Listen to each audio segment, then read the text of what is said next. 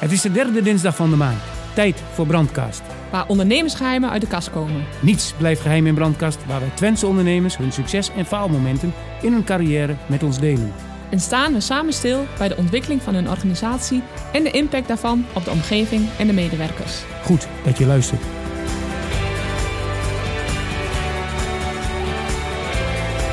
Geboren en getogen in Stadskanaal, actief in ons mooie Twente. Ooit gestart als Human Resource Specialist, doctor anders in de sociologie en alsof dat nog niet genoeg is, Master of Science, oftewel bedrijfskundige aan het prestigieuze Universiteit Nijenrode. Er zitten heel veel titels aan tafel, maar liefst 17 jaar lang is hij al actief met het kopen en verkopen van bedrijven in Twente en daarbuiten. Hij heeft een ongekende drive en wil het maximale uit alles halen, zeggen anderen over hem. Waar een ander googelt naar de waarde van zijn auto op gaspedaal.nl, hebben wij vanavond als gast iemand die exact weet wat jouw onderneming waard is. En of het tijd wordt, of het tijd is om te cashen of niet. Hij is afgelopen zaterdag 42 jaar geworden. Leuk dat je er bent en welkom. Waldo Zuiderveld. Welkom Waldo. Zou je jezelf kunnen voorstellen? Zeker, dankjewel. Uh, nou, mijn naam is Waldo Zuiderveld, uh, 42 wat Rick al aangaf, woonachtig in, uh, in de mooie Deventer. Uh, twee dochters van tien en, uh, en vijf. En ik werk eigenlijk in heel Nederland en uh, nou ja, ook veel in, in Twente te, te vinden. En kun je iets meer vertellen over je werk? Ja, zeker. ja, ik heb na mijn bedrijfskunde ben ik begonnen eigenlijk in het fusie- en overname vak bij, bij een werkgever. Toen dacht ik na zeven jaar, ja, dat wil ik eigenlijk ook een keer voor mezelf beginnen.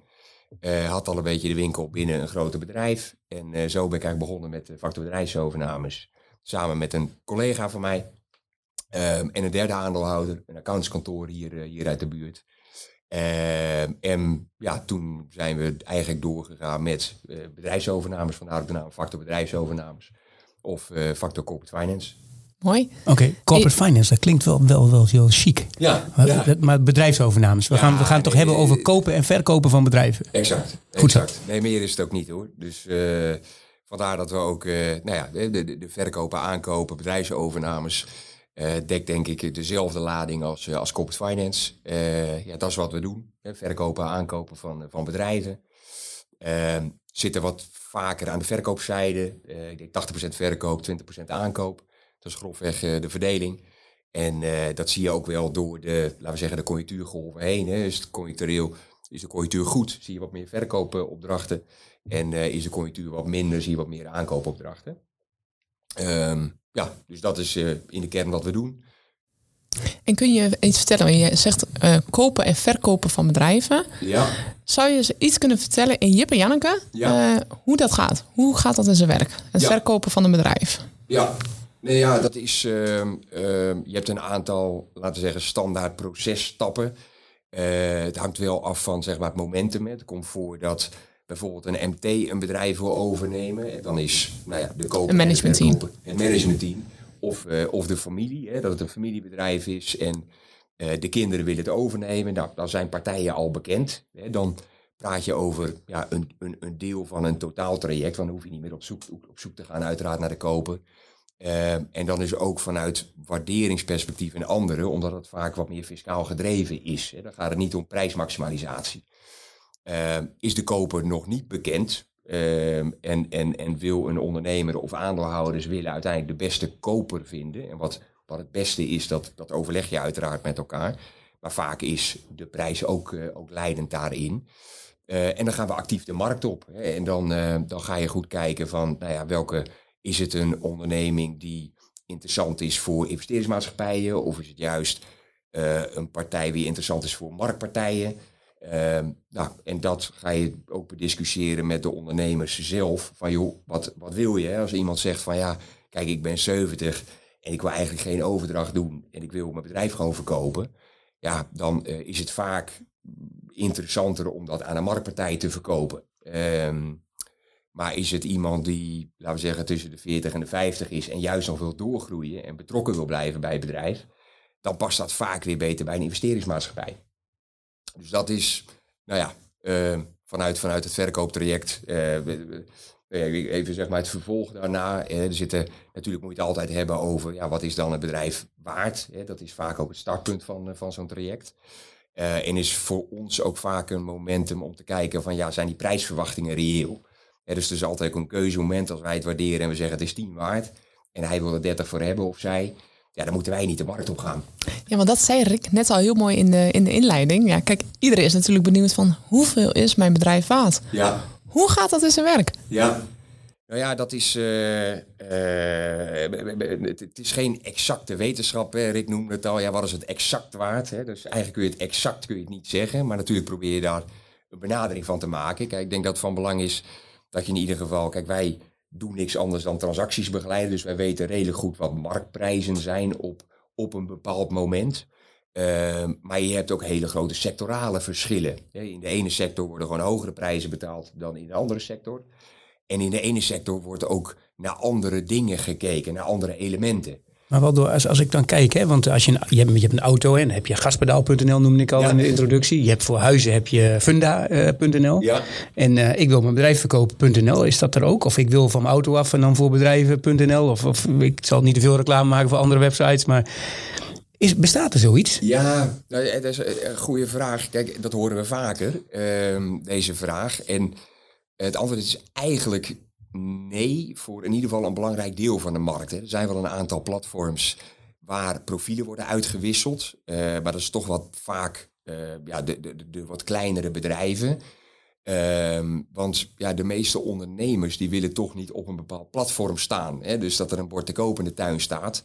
Uh, ja, dat is ook gewoon concurrentiegevoelig. En mensen ja, dit, het is niet een transparante markt waarin vraag en aanbod makkelijk gematcht kunnen worden met elkaar. Uh, vanwege het thema vertrouwelijkheid.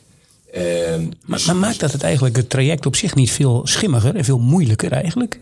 Als die openheid er wel zou zijn, en zij, want er zijn best wel veel mensen volgens mij die een bedrijf wil, willen kopen, ja. al dan niet gehinderd door enige kennis of zakken met geld. Ja. Uh, maar daar kunnen jullie volgens mij ook prima in helpen. Maar dus stel je hebt een hele grote groep mensen die willen een bedrijf kopen. Er zijn best wel veel ondernemers die ja, zich volgens mij op dit moment best wel afvragen. Joh, ik heb of wel of niet goed gedraaid. Ik word 65, ik word 70, ik word 80 misschien wel. En ik moet een keer stoppen. Ik moet aan mijn opvolging denken. En ik ga niet aan mijn kinderen. Dus die, die, die transparantie die er eigenlijk niet is. Nee.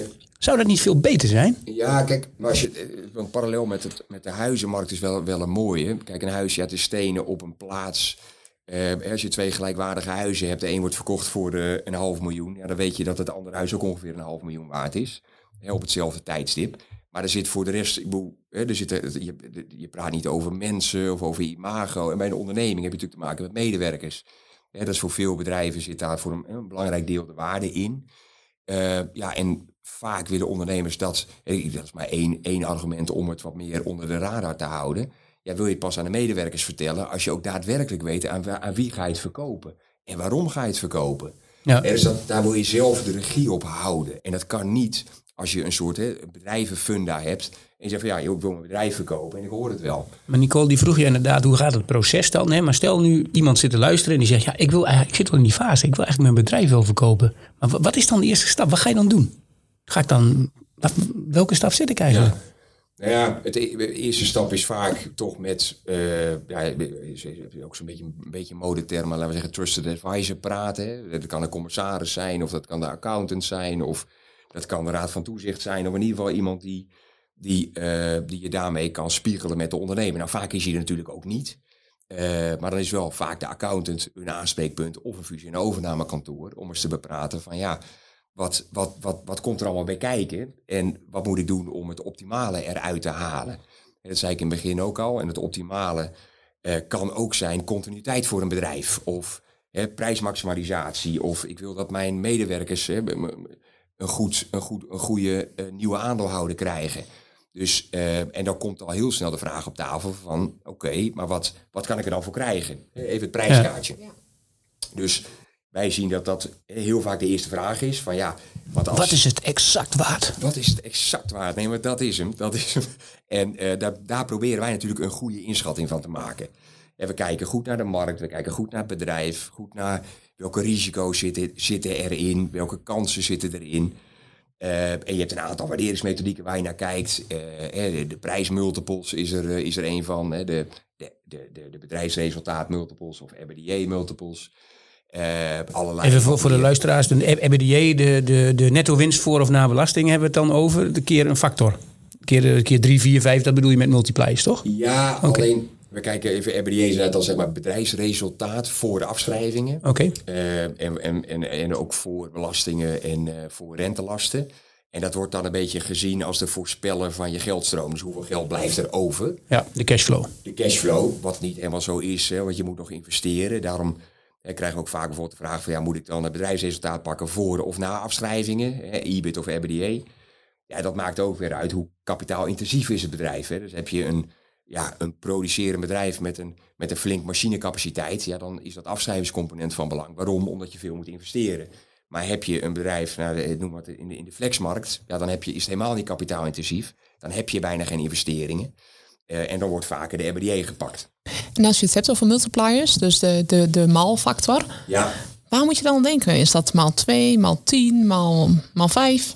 Ja, Nee, ja, dat, dat, uh, daar wordt wel onderzoek naar gedaan. Uh, maar dat heeft, ja, als je kijkt naar het wetenschappelijke gehalte, is dat beperkt. Hè? Er wordt gewoon gevraagd aan fusie-overnameskantoren. Van joh, wat vinden jullie in deze sector? Wat voor multiple wordt er betaald? En is dat iets meer of iets minder dan de vorige periode? Ja, die is conjunctuur afhankelijk, denk ik. Ook, ook zeker. Uh, maar wat je bijvoorbeeld ja, in, in, zeg maar, in de corona... Het is zeker sectoraal afhankelijk en ook conjunctuur. Maar de, de sectoren en ook de marktvooruitzichten van de sectoren zijn natuurlijk van groot belang. En wat je vaak dan ziet in de staatjes, ja, zijn dus zeg maar de retailbedrijven, nou, die worden vaak laag gewaardeerd.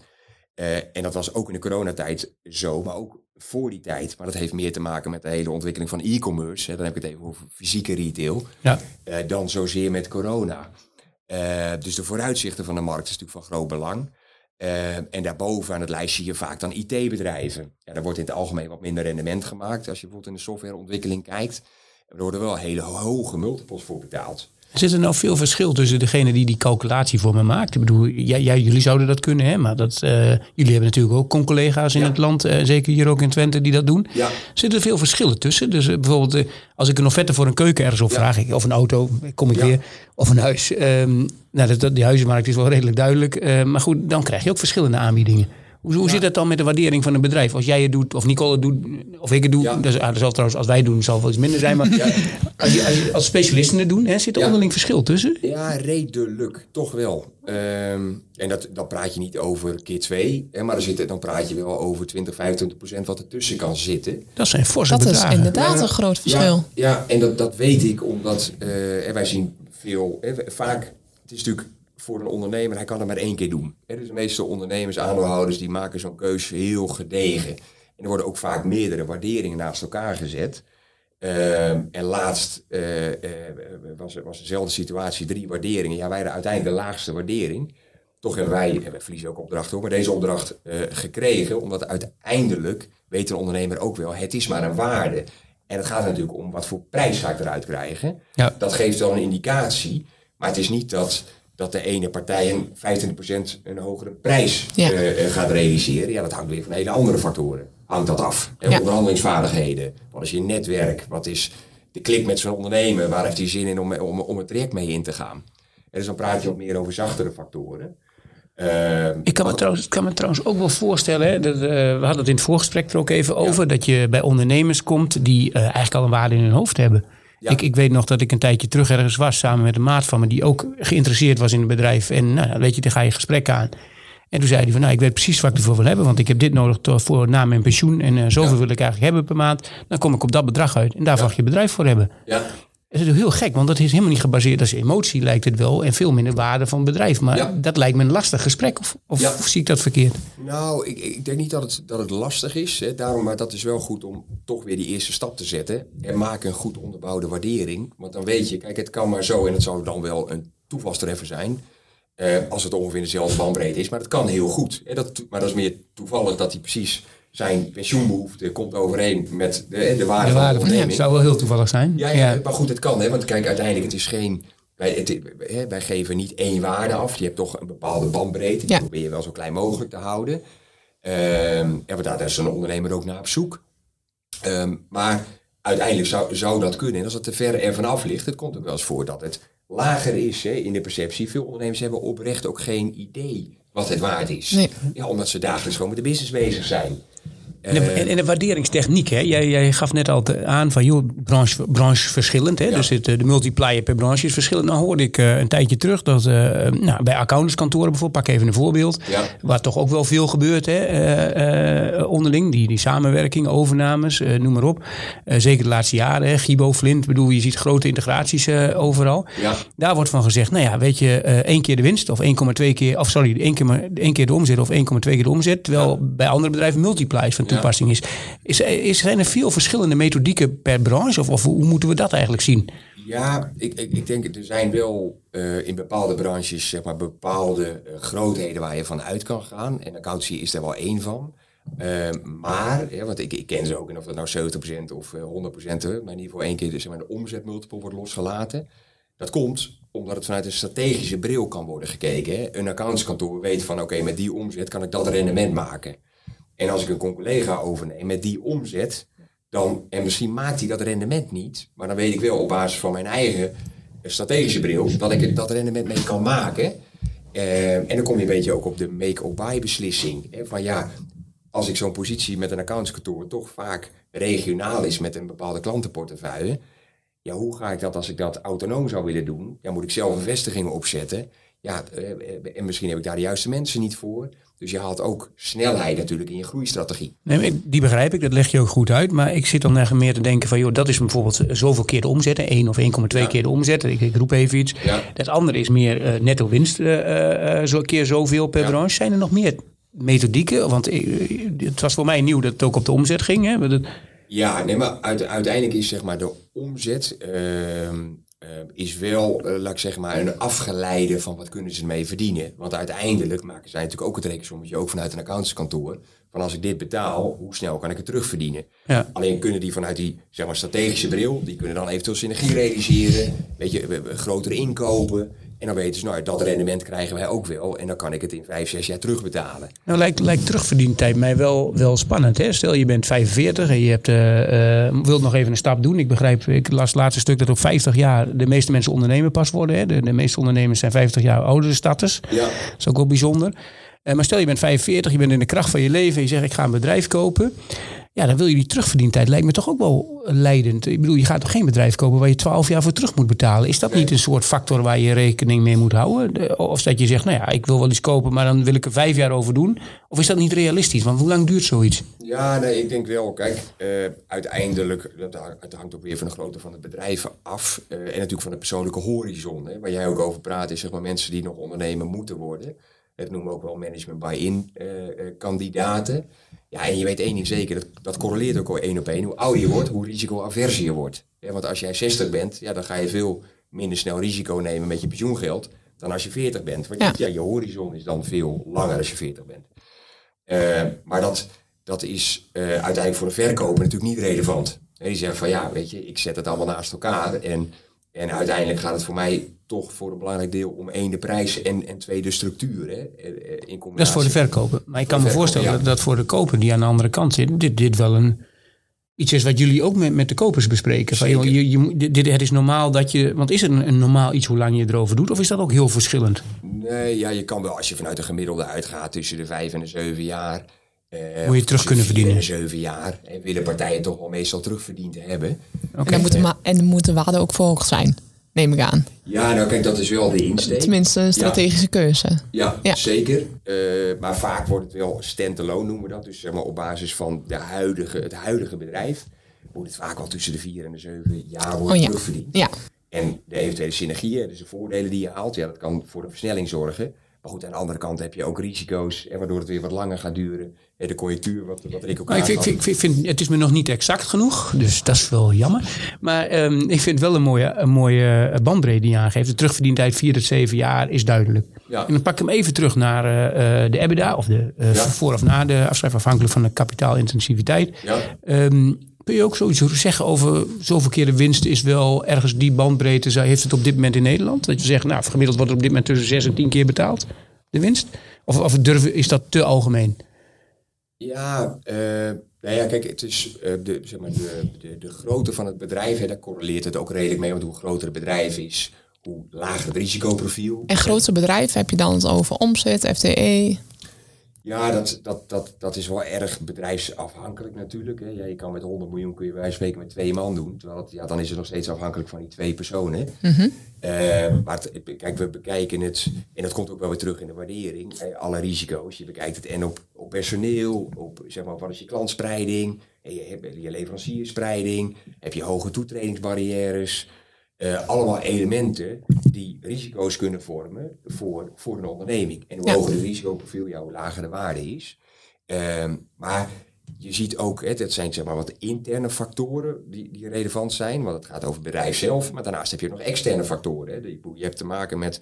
Perspectief van de markt. de eh, markt, ja, exact. ja. Dus eh, de overliquiditeit in de markt, die belachelijk, la- of de, extreem lage rentestand, Ja. ja. dat zorgt voor, ik bedoel, de, de, de rentes bij de banken zijn lager dan de inflatie nu. Ja. Dus Zal de ja, prijs ook opdrijven. dat, dat is zeker, zeker. En Dat is net met de huizenmarkt. Dat, Ja. dat kun je wel vergelijken. dan. Exact, exact. Ja. Maar dat heeft, vind ik, niks met de waarde te maken, als wel met de prijsvorming. Ja, Ja. Ja, nee, dat- Ja, dat- dat, precies. De mooi- waarde en de prijs is niet hetzelfde. Nee, nee, daarom. exact. Nee. En, en alleen, kijk, eh, eh, als wij een waardering maken, snap ik ook wel dat een ondernemer die wil weten wat, wat, wat is de prijs. Hè? Dus je probeert daarin wel een afgeleide te maken.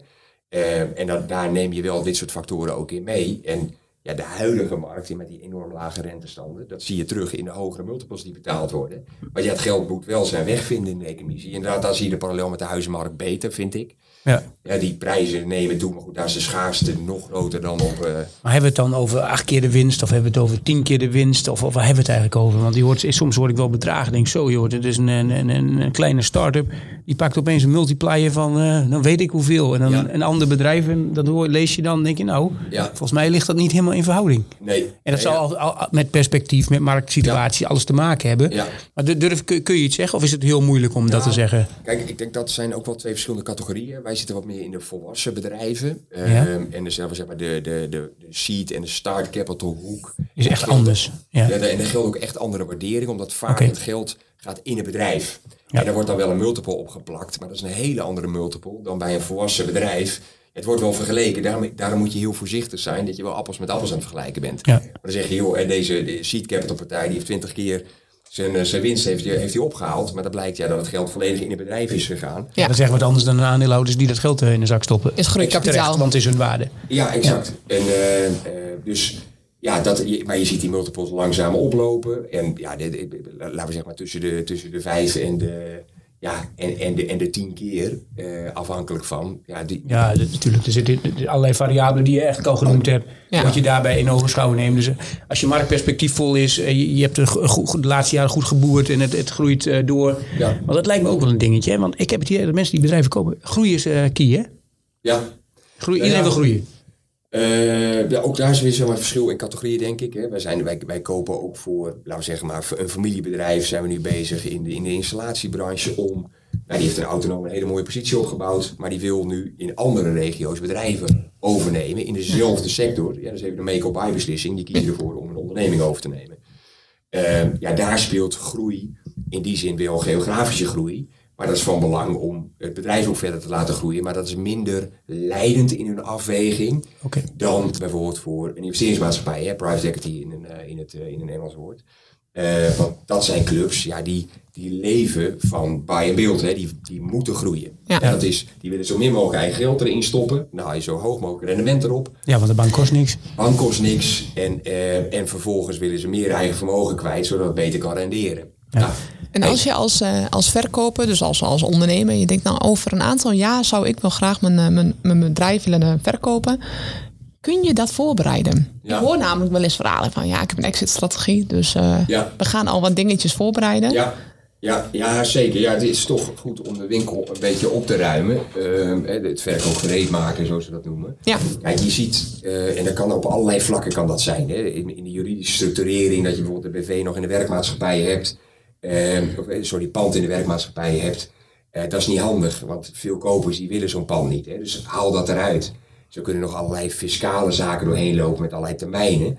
Eh, of allerlei privézaken die er toch nog doorheen lopen. Dus je wil het opschonen, zodat als je uiteindelijk de markt op gaat, dat, dat ook iedereen de, nou zeg maar de, ja, de, de, de, de potentie of de, de huidige winstgevendheid er goed uit kan naar voren lezen. En niet alleen dat je dat met normaliseren, je kan het ook normaliseren, zoals we het zeggen. Van joh, we gaan allerlei boekhoudkundige correcties toepassen. Ja. Maar dat wil je het liefst zo min mogelijk doen. Dan heb je zo'n schoon mogelijk bedrijf. Eh, en dat vertaalt zich ook weer vaak in een, in een betere prijs. En ondersteunen jullie daar ook ondernemers bij? Ja, Ja. zeker. Want eh, ook, ook zeg maar, zo'n eerste stap wordt ook vaak gebruikt van hé, maar wat is, aan welke zaken moet ik nou werken? Welke risico's kan ik verlagen? Eh, en wij zijn geen business consultants hè, die, een heel, die daarbij helpen. Dus het is, het is echt een advies. Eh, maar het geeft ze wel vaak de, de handvaten van ja, welke knoppen kan ik draaien om die waarde te verhogen. Ja, En daarmee de prijs. ja. Oké. En als je nou, eh, je noemde al een paar namen, hè? En eh, ehm, als we nou eens kijken dichter in de buurt, in Twente. Ja, Wat, wat gebeurt hier eigenlijk? Heb je enig idee eh, eh, hoeveel bedrijven hier eigenlijk verkocht worden? En, en, en heb, heb je nog wat, wat voorbeelden van ja, weet je, dat zijn trajecten die recentelijk of de laatste jaren ook eh, zijn gebeurd hier. Eh, waar je wat eh, over kunt vertellen en zegt, nou ja, weet je, dat viel mij op aan die trajecten. Maar de eerste vraag, ik stel eigenlijk twee vragen, dat moet ik ook niet doen, hè? dat is niet handig. Ehm, de eerste vraag is, eh, wat gebeurt hier in Twente? Gebe- wat worden hier nou veel bedrijven gekocht en verkocht? En, Ja, ja, ja, denk ik zeker. Eh, er, zijn, er zijn niet echt ja, harde getallen voor. Je zou kunnen zeggen dat in Nederland, hè, er worden wel schattingen gemaakt van, laten we zeggen, 20.000 eh, bedrijfsovernames per jaar zijn. Ja, en dat correleert ook weer met economische activiteiten. In de Randstad zijn meer overnames dan in, eh, in Oost-Groningen. Eh, eh, maar, maar, maar een flink deel ja, zijn er uiteraard ook in, in Twente. En daar begeleiden wij ook veel, veel partijen in. Ja. Oké, heb je een voorbeeld? Ja, ja zeker. Ja, meest, meest recente hier in, in Twente is, die hebben drie maanden geleden afgerond, is Steunens en Bekking. Tegel, grote handel, met nog wat activiteiten daaromheen. Maar dat Voor iedereen zichtbaar bij Wieren aan de N36? ja, ja, voor keukens, badkamers. Eh, en ik denk een mooi voorbeeld van, van een familiebedrijf.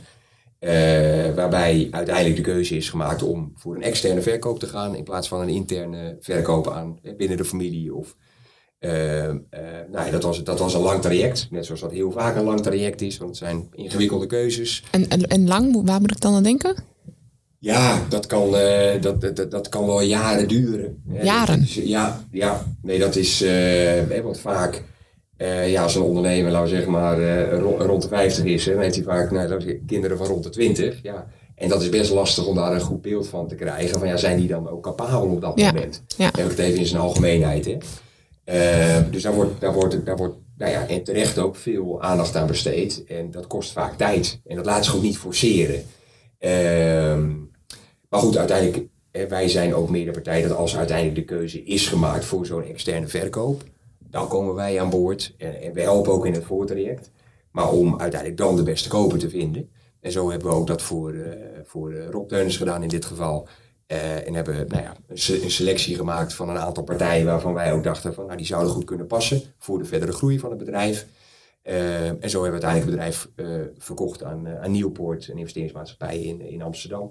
Maar dat hebben we wel gedaan door een aantal partijen naast elkaar te zetten. En die partijen hebben jullie in jullie netwerk, zeg maar. Dus jullie hebben een. eh, Ja, ja, ja je zou, ook- we, kennen uit de meeste investeringsmaatschappijen in ieder geval. Hè. We hebben ook een internationaal netwerk voor eh, nou, internationale kopers. Ja. Eh, maar heel veel, ja, de investeringsmaatschappijen kennen we inderdaad. En ja, die zoeken ja, eh, bedrijven van allerlei eh pluimage, maar met name bedrijven waar je kan groeien. Hè. Dat, dat willen ze allemaal.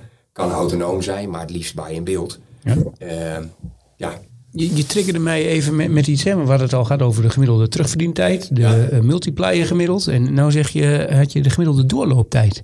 Wat is dat eigenlijk als je een bedrijf verkoopt? Als ik mijn bedrijf wil verkopen, wat moet ik eigenlijk rekening mee houden? Ja, nou, gemiddeld toch al gauw een jaar, eh, van A tot Z. En dan heb ik het niet over zeg maar, het hele, hele voortraject in de afweging, of het maken van de afweging en de keuze van hè, wil ik verkopen en wie wil ik verkopen, maar echt van het moment van start, van, van laten we zeggen de waardering waar het toch vaak mee begint, tot en met de closing bij de notaris, eh, is het vaak een jaar. En lange trajecten. ja. maar gemiddeld denk ik ongeveer een jaar. Oké. En natuurlijk als de koper verkoper bekend zijn, dan is het echt een, eh, heb je, praat je over een sneller traject. Ja. Maar echt, ja, we noemen dat een controlled auction, hè, dat je eh, echt een, een competitief proces eh, opzet waarbij de koper nog niet bekend is. Dan moet je wel uitgaan van een jaar. Oké, en, en jij zei op, uh, nou ja, Rob Teun, gaf je een voorbeeld, uh, familiebedrijf.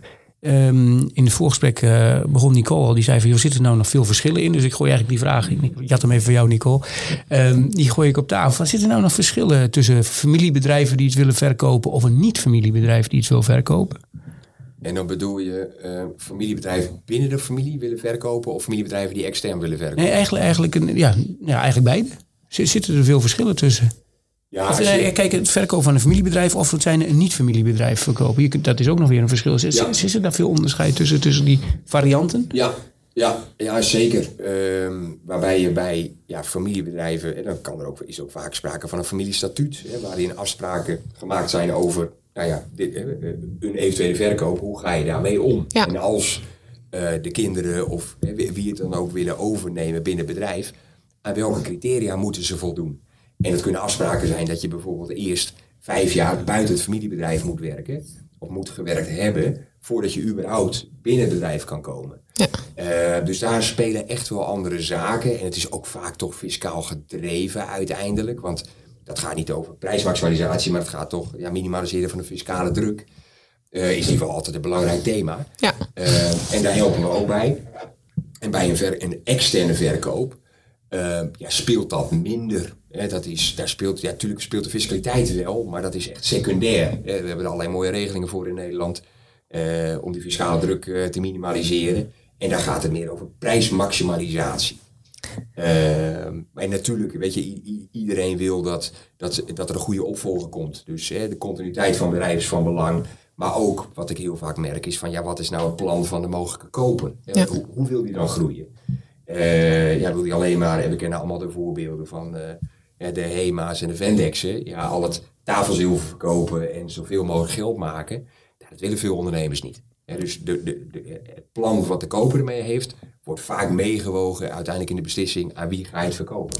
Precies, want merk je dat ook bij de ondernemers? Want we hebben best wel veel over getallen en cijfers en eh, juridisch, fiscaal. Ja, Maar wat doet dat met ondernemers? ja, Merk je daar, eh, heb je daar ook voorbeelden van? Of, of, ja. ik ben er wel heel benieuwd naar. Ja, nee, ja het, is, eh, het, het is vaak toch wat ze dan achteraf in ieder geval zeggen. Dat het een sowieso een traject is wat ze nooit eh, voor de ogen hebben gehad qua intensiteit.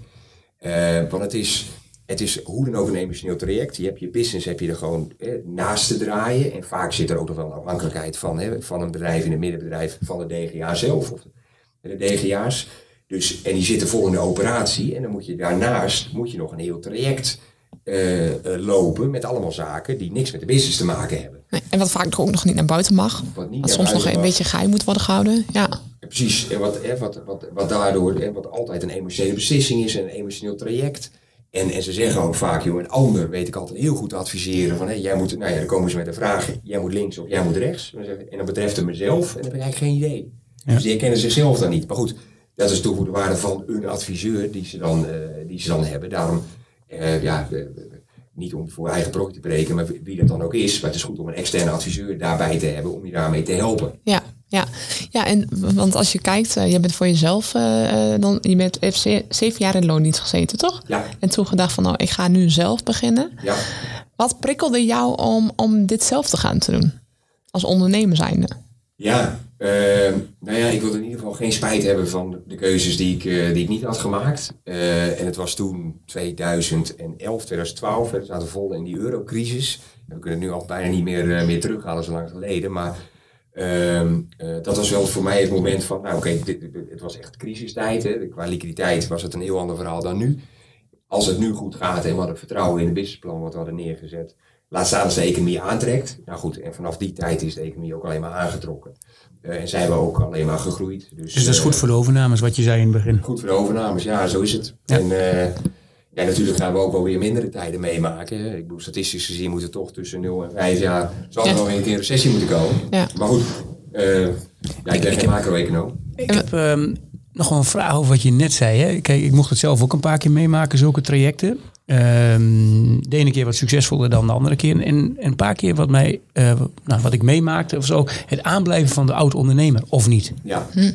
Ja, En die vraag die, eh, eh, die popt eigenlijk overal weer op. Mm. Ik, eh, eh, een goede kennis van mij heeft recentelijk zijn bedrijf verkocht. En zijn hamvraag was, los van de prijs, ja, moet ik nog meewerken of niet? ja, Er zit ook emotie in, er- maar ook een hoop ratio. ja. Wat, wat, wat zien jullie eigenlijk in de praktijk het meest gebeuren? Waar moet ik rekening mee houden als ik, stel ik zou mijn bedrijf willen verkopen. Ja. Moet ik dan nog mee blijven werken? Of is dat een uitwerk gefaseerd? Of hoe gaat dat eigenlijk? Wat is het meest voorkomende? Ja, het meest voorkomend, maar dat zeg ik altijd, is... eh, kijk, ehm, als je nog mee wilt doen, en ook als aandeelhouder, dan haal je heel veel risico voor een, voor een, voor een koper, haal je eruit. Of in ieder geval een deel van het risico. En lager risico betekent een hogere prijs. Ja. Want ja, hoe je het went of verkeerd in het middensegment, is het vaak de afhankelijkheid is aanwezig van het DGA. En als jij eh, na de sleuteloverdracht zegt van joh, ik ga er vandoor, dan zit een heel hoog afbreukrisico zit erin. En soms kan het wel. Hè. We komen ook als bedrijven tegen waarbij de DGA echt al op afstand staat. Er is een autonoom managementteam. Hè. Je kan aantonen dat, dat er geen afhankelijkheid is. Dan is het een ander verhaal bij een strategische overname. Maar als je wil verkopen aan een investeringsmaatschappij, ja, dan vallen er heel veel partijen af als jij niet wil meedoen als DGA. Ja. Maar dan zeggen ze, ja, maar waarom wil je dat dan niet? En Waarom wil je niet met ons? Je geen de vertrouwen meer. Of, dat soort discussie heb je dan geen vertrouwen er meer in? Of, eh, Ja, exact. exact. Wat is er? En dan krijg je een afslag. Over, over een discount van de prijs we- wellicht. Dus ik zeg altijd, door dat commitment te tonen, kun je uiteindelijk een betere prijs krijgen. Maar goed, het moet wel iets zijn wat je natuurlijk wil. dus het is afhankelijk van je eigen afhankelijkheid. Ja, ja zo Dat is wat je zegt. Ja. Oké. Hey, welke overname is jou het meest bijgebleven? En waarom? Ja, eh, kijk, ik denk dat ons, onze eh, vakgebied wordt ook wel getypeerd door enig opportunisme. Eh, het, is, het is natuurlijk projectgedreven. Je bent heel intensief ben je met trajecten bezig. En na zo'n jaar, hè, we hebben heel veel trajecten ook parallel aan elkaar lopen. Eh, maar is het, is het ook klaar? Dus het zijn toch vaak de laatste trajecten die, die, die, die, eh, die je bijblijven. Eh, en ik denk dat dat met Teunis en Bekking het, eh, in het, het, geval is. Dat was een intensief en, en, en, en, ja, een mooi traject met een goede uitkomst voor, voor alle partijen. Waarbij nou ja, ook, het, ook het aspect speelde van de overdracht binnen de familie, buiten de familie. Uiteindelijk goed nagedacht, goed voorbereidingstraject gehad en een koper. Waar eh, uiteindelijk de verkoper ook eh, buitengewoon tevreden mee was. Dus zou kunnen zeggen, een, beetje een, een traject uit, eh, uit het boekje. Oké. Nou, ja. En die is ook, ook de meest recente. Dus ja, Wel, wel lekker dus. Hey, als we dan even gaan naar het kopen van een bedrijf. Hè? Maar we hebben het Ja. gaat over het verkopen van een bedrijf. Maar er lopen natuurlijk heel veel ambitieuze mensen rond die een bedrijf willen kopen. ja, nou, dan is het weer hetzelfde. Hè? Ik ga van huis ga ik naar Funda. Voor de auto Ja. ga ik naar Gaspedaal. Of, of een van de andere autoscout. Of wie, wie zijn er allemaal nog meer. ja. En nu wil ik een huis kopen. Dan bel ik Waldo op en dan zeg ik, Waldo, ik wil een eh, bedrijf kopen. Help me even. Ja, ja, nee, dat kan. Dan gaan we graag aan de slag. Eh, als het tenminste twee, hè, we zeggen altijd even te grofweg twee criteria. Eén, hè, wie, is de ondernemer? Dus hè, wat is je cv en wat heb je gedaan? Ben jij ook iemand waar, voor de verkopende ondernemer, waarvan die denkt van, hé, hey, die kan wat toevoegen. Want als dat er niet is, dan gaan we ook niet zo'n traject aan. En dat is natuurlijk vrij subjectief, dat snap ik ook. Maar dat is dan onze taxatie van, hé, hey, is dit de juiste ondernemer in spe? Of bestaande ondernemer die een bedrijf wil overnemen? En toevoegen, is dat dan in kennis of is dat juist in geld of in netwerk? Of... Nee, niet zozeer in geld. Eh, hoewel, hè, dat is wel mijn tweede criterium. Eh, je moet wel enig eigen vermogen hebben. Want ja, niet, niet eh, zonder niet te kan ook niet. Nee. Want je moet wel ja, skin in the game hebben, zoals we dat zeggen. Maar, maar hoeveel skin heb je dan nodig? Hoeveel, wat, je, ja, je wilt een bedrijf kopen. Ik heb hem bij jou gemeld. En hoeveel geld moet ik dan hebben voordat je me leuk vindt? Nou ja, ik zeg, kijk, voor een... eh, want uiteindelijk, nou, nog, nog even terugkomen op de vraag die ik over heb. Wat, wat ga je dan doen? Ja. Eh, je kan dat, we kunnen dat op een actieve manier doen. Hè? Dat we gewoon zeggen van oké, we gaan een profiel maken, daar gaan we bedrijven bij zoeken. Eh, waarvan we nog niet weten of die in de verkoop staan. En die gaan we gewoon actief bellen. Oké. Eh, is op zich is dat een redelijk eh, succesvol eh, eh, instrument. Omdat je dan ook juist de partijen spreekt. Want heel veel ondernemers twijfelen wel van, joh, moet ik niet een keer gaan verkopen? Maar de waan van de dag is een beetje een beslissing die ze achterover of van zich afduwen. En dan bellen wij en dan zeggen we, joh, we hebben misschien de koper voor jou. Eh, nou, daarom en daarom en we vinden dat hij daarom past. Eh, en, en, en, en alleen dat is een vrij arbeidsintensief traject. Hè, dus, en daarmee een kostbaar traject. En dan zeggen we, ja, weet je, kijk, qua eigen middelen moet je toch wel tussen de 3, 4 ton eh, minimaal hebben. Wil het zinvol zijn om zo'n actief traject te draaien? Ja, want de kosten moeten natuurlijk wel in verhouding staan tot, tot de transactiewaarde uiteindelijk. En moet het dan cashgeld zijn? Mag het ook in je huis zitten? Of waar moet je het eigenlijk over hebben? Nou ja, ehm, bij voorkeur cash. Ehm, en want dat is, eh, ja, ik moet zeggen, kijk, da- daar hebben we een beetje waterscheiding voor. 2008 was dat echt een ander verhaal. Maar hè, dus voor de bankencrisis, zullen we maar even zeggen. Toen was het gewoon makkelijker om dit soort trajecten te, te, te financieren. Dat is na die bankcrisis echt wel aangescherpt. Een aantal banken hebben gezegd, hè, eh, d- dat doen we eigenlijk überhaupt niet meer. Hè, de MBI-transacties eh, eh, financieren. Of je moet heel veel eigen geld meebrengen. Hoeveel, dan moet je een derde of een Heel kwart veel. Meenemen. een derde, ja, of een kwart. eh, Cash meenemen. cash meenemen als koper. Nou ja, en dat bepaalt dan ook meteen je, je, je, je, polstok. Als je half miljoen eigen geld kan inbrengen, kun je tot maximaal 2 miljoen gaan. Ja, en als je dan een bedrijf van 6 miljoen wil kopen, dan moet je er een informal investor of iets. Exact. ja, daar bedoel ik eigenlijk iemand mee die te veel geld heeft en niet bekend wil worden. Ja. Maar die, die moet je erbij zoeken. Ja. En- Maar je hebt toch weer 25%, 30, 33% nodig om de hele, de hele deal te kunnen closen, om de bank mee te laten financieren. Ja, alleen eh, bij de banken zie je toch ook wel vaak, hè, dat wordt dan toch net wat anders gelabeld. Hè, dat, dat, dan heb je ook een investeringsmaatschappij erachter. En dat Mhm. wordt niet meer gezien als een MBI-transactie. Eh management buy-in transactie. Ja. Eh, en dan worden die ratio's nog wel eens wat verlaagd. Hè. Dan geldt dat niet meer als een hard Dat is meer, meer solide dat je zo'n grote partij meeneemt. Exact. Dus eigenlijk als je zelf een bedrijf wil kopen, heb je minimaal een bedrag nodig, zeg maar 3, 4 ton. Nou, dat is dan een kwart even voor het gemak wat je kunt aanschaffen. Ja, En wil je meer, dan zul je met een partij die echt ook eh, substantiële gelden heeft ter beschikking eh, een stap moeten zetten. Niet zijn de bank. ja, ja, eens. En daar bedoel ik dan mee. Hè, even, dat is even vanuit ons, zeg maar, de ondergrens om een actief traject te draaien. Ja. Ja. Natuurlijk zijn er bedrijven hè, waarbij je met een lagere koops of met een lagere eigen inbreng ook tot een prima transactie kan komen. Oké, Want wat voor omvang bedrijven eh, is dan zeg maar eh, het minimale bij jullie? Ja, wij zitten, kijk, qua transactiewaarde zitten toch hè, tussen de 1 en de 2 miljoen is wel, wel de onderkant. Omzet. Eh nee, Oh, transactiewaarde. transactiewaarde. Ja. Ja, dus dat miljoen, nou, dat is al... eh, maar even duidelijk even transactiewaarde, dat we daar geen misverstand over hebben. Want het is niet 1 of 2 miljoen omzet, maar de transactiewaarde betekent dus de koopprijs. Ja, Oké. ja, Prijs. ja. Of nou, laten we zeggen, de, de, de prijs voor de onderneming. Even Ja. los nog van de financieringsstructuur. Oké, Hè, dus, eh, en dat is ook weer niet, geen, geen, geen hard gegeven. Ehm, maar goed, ja, daar kun je wel van uitgaan. Ja. Goed. Nou, du- duidelijk. Nou, volgens mij hebben we een heel mooi helder beeld over, eh, ehm, over het verkopen en kopen van bedrijven. Dat toch wel iets anders is dan eh, even je auto op eh, gaspedaal of je huis op Funda zetten.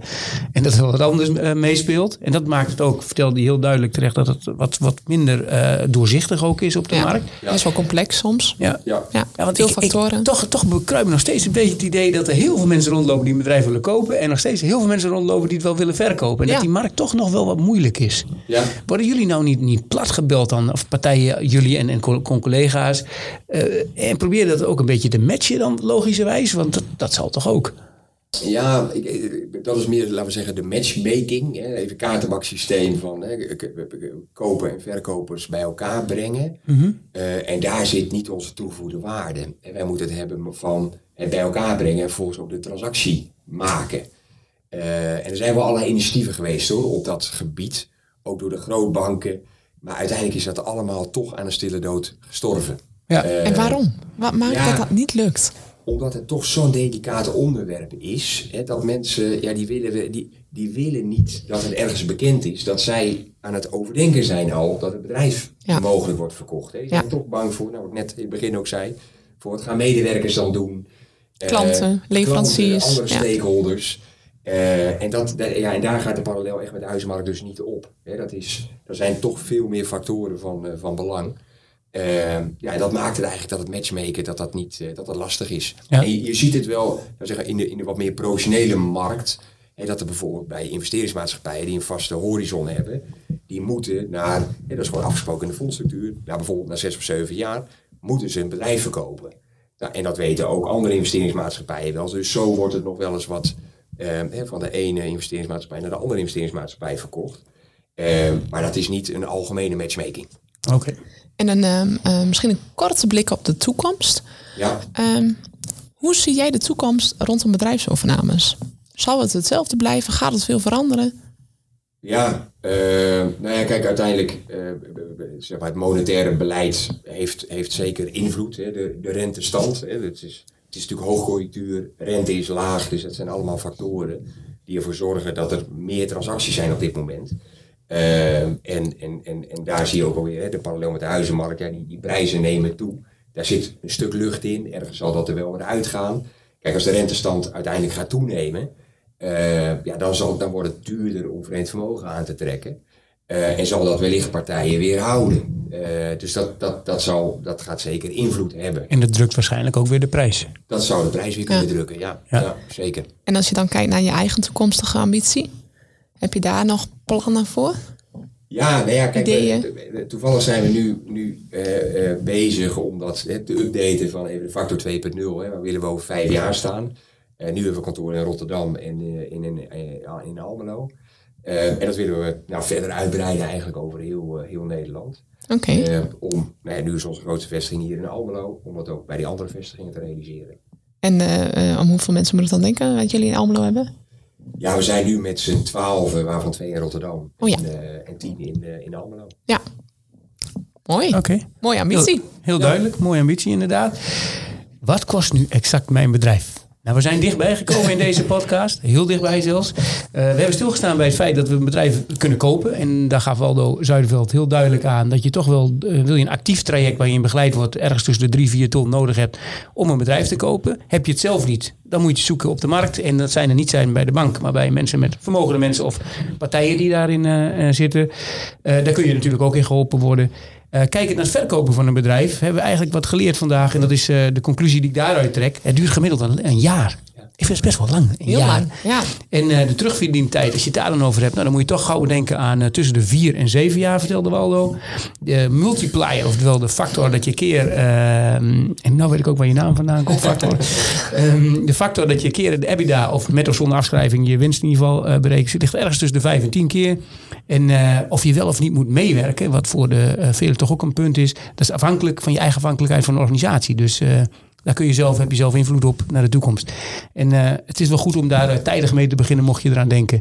Dankjewel voor je komst, Waldo Zuiderveld. Ontzettend leuk dat je er was. ja, bedankt voor je informatie, kennis. Zeer interessant. Vond ik heel leuk om te doen. Dank voor de uitnodiging. Natuurlijk zijn wij benieuwd welke ondernemerslessen jij hebt opgepikt in deze podcast. We horen het graag via de socials. Gebruik vooral de hashtag brandkast. En wij vinden je vast en zeker. Ben jij of ken jij een Twentse ondernemer die een verhaal heeft te vertellen dat het toe doet? Of een geheim heeft dat gedeeld moet worden? Laat het ons weten. Tot de derde dinsdag, tot brandkast. Waar ondernemersgeheimen uit de brandkast komen. Brandkast is een productie van het Ondernemersmagazine.